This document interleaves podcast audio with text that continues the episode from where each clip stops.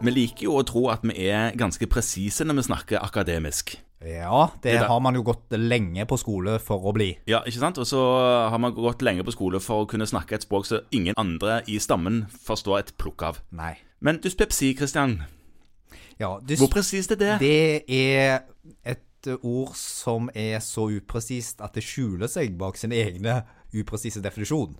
Ja, ikke sant? Ja, det kan du godt si. Ja. Ja. Eh, fordi at det, det er egentlig et ord som sier at du har vondt i magen, ja. i øvre del av magen, av en eller annen grunn. Ja. Ja. Øvre del av fordøyelsessystemet Ja. er til besvær. ja. eh, og det er det mange som har.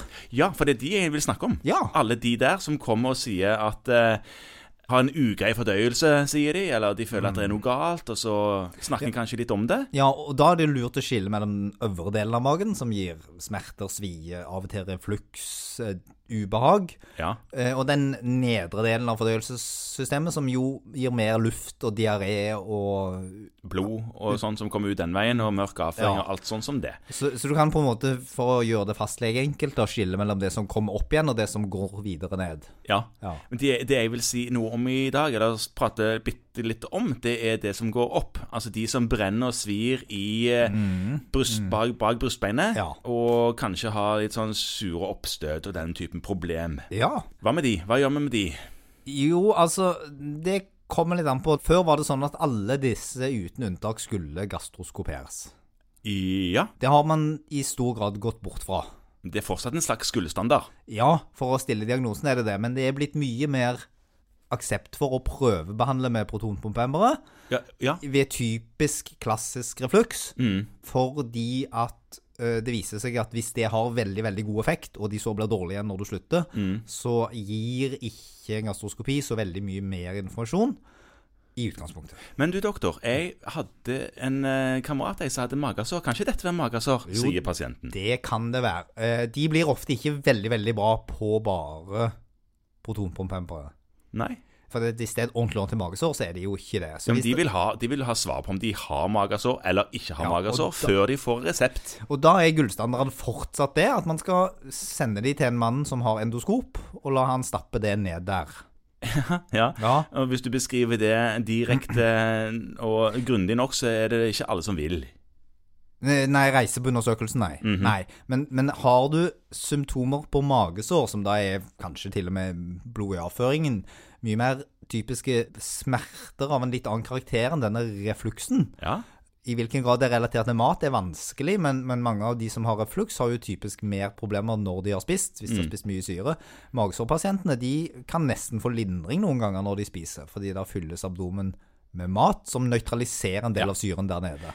Så der er det en del sånne ting du må se på anamnestisk, men hvis du tror det er et magesår, så skal det utredes ordentlig. mm, Og da kommer vi til det jeg egentlig har brukt en liten stund på nå å få de til å svare på. Ja. Denne hurtigtesten som finnes for helicobacter pylori, altså Ja. magesårbakterien. Den der blodprøven Ja, Nå tenker jeg på den blodprøven som man kan ta hos fastlegen på Ja. kontoret. Det er egen takst for det, til og Ja. med. Jeg tror du får 60 kroner eh, tilbake igjen når du tar den prøven. Ja. Men hva sier den? Ja, det, det er jo en sånn test som er litt vanskelig. Fordi at den har Altså Hvis du går inn og leser på dataen, så vil mange si at den har høy sensitivitet og spesifisitet. Det vil si at den fanger alle de som har sånne type antistoffer i blodet. Ja. Og det er ganske sikkert at det er sånne antistoffer i blodet. Ja, men Problemet med disse ant- Det er sånne IGG-antistoffer denne målet, Ja. og det tyder på at du har hatt en immunreaksjon. Og nå er det sånn at hvis du først har helicobacter pylori i magesekken din og en øvre del av tarmen, så vil denne prøven veldig, veldig ofte være positiv. ja. Men den vil være positiv veldig lenge. Så du vet ikke om det er det som er problemet nå, om du har hatt det før. Du trenger i Sånn, ja. hvert fall ikke ta den om igjen. Det andre er det at sånn som prøven er designa, og da kommer vi inn på noen sånn krevende statistiske metoder Ja. som vi har snakket om før, så er det sånn at hvis det er lav forekomst av helicobacter pylori, og den er ganske lav i Norge i dag, ca. en halv prosent av befolkningen som har denne bakterien. Så det er en veldig lav pretest-sannsynlighet for Ja. at man eh, slår ut. Og bare én av fem med dyspepsi har denne bakterien. Én av fem med dette øvre magebesværet. Ja. Og det gjør at hvis du bare tar denne prøven på alle, så vil en positiv test med større sannsynlighet være falsk positiv en ekte positiv. Mhm. Sånn at når du tar den testen og får tilbake igjen svar på at den slo ut, så vet du egentlig ikke om pasienten har den bakterien eller ikke. Hvis du tar den testen og den ikke slår ut, så kan du egentlig stoppe opp, for da har du med høy sannsynlighet ikke helicobacter py- eh, pylori. Nei. Den har høy negativ prediktiv verdi og lav positiv prediktiv verdi. Ja. Og det betyr at tar du testen, og den slår ut, så må du gå videre og bekrefte den med en ny test. Og da er det endoskopi og sånn der en ureasetest, som er det som brukes mest i dag, der man ser på dette enzymet nede i tarmen. der. Og Det er en pusteprøve. Ja. Ja. Mm. Og Men en kan òg ta eh, andre typer tester. Altså Det er en urease pusteprøve og en, eh, Og en direkte påvist. ja, en direkte påvist eh, antistofftest. Ja. Og så kan du også dyrke denne bakterien. Det er vanskelig.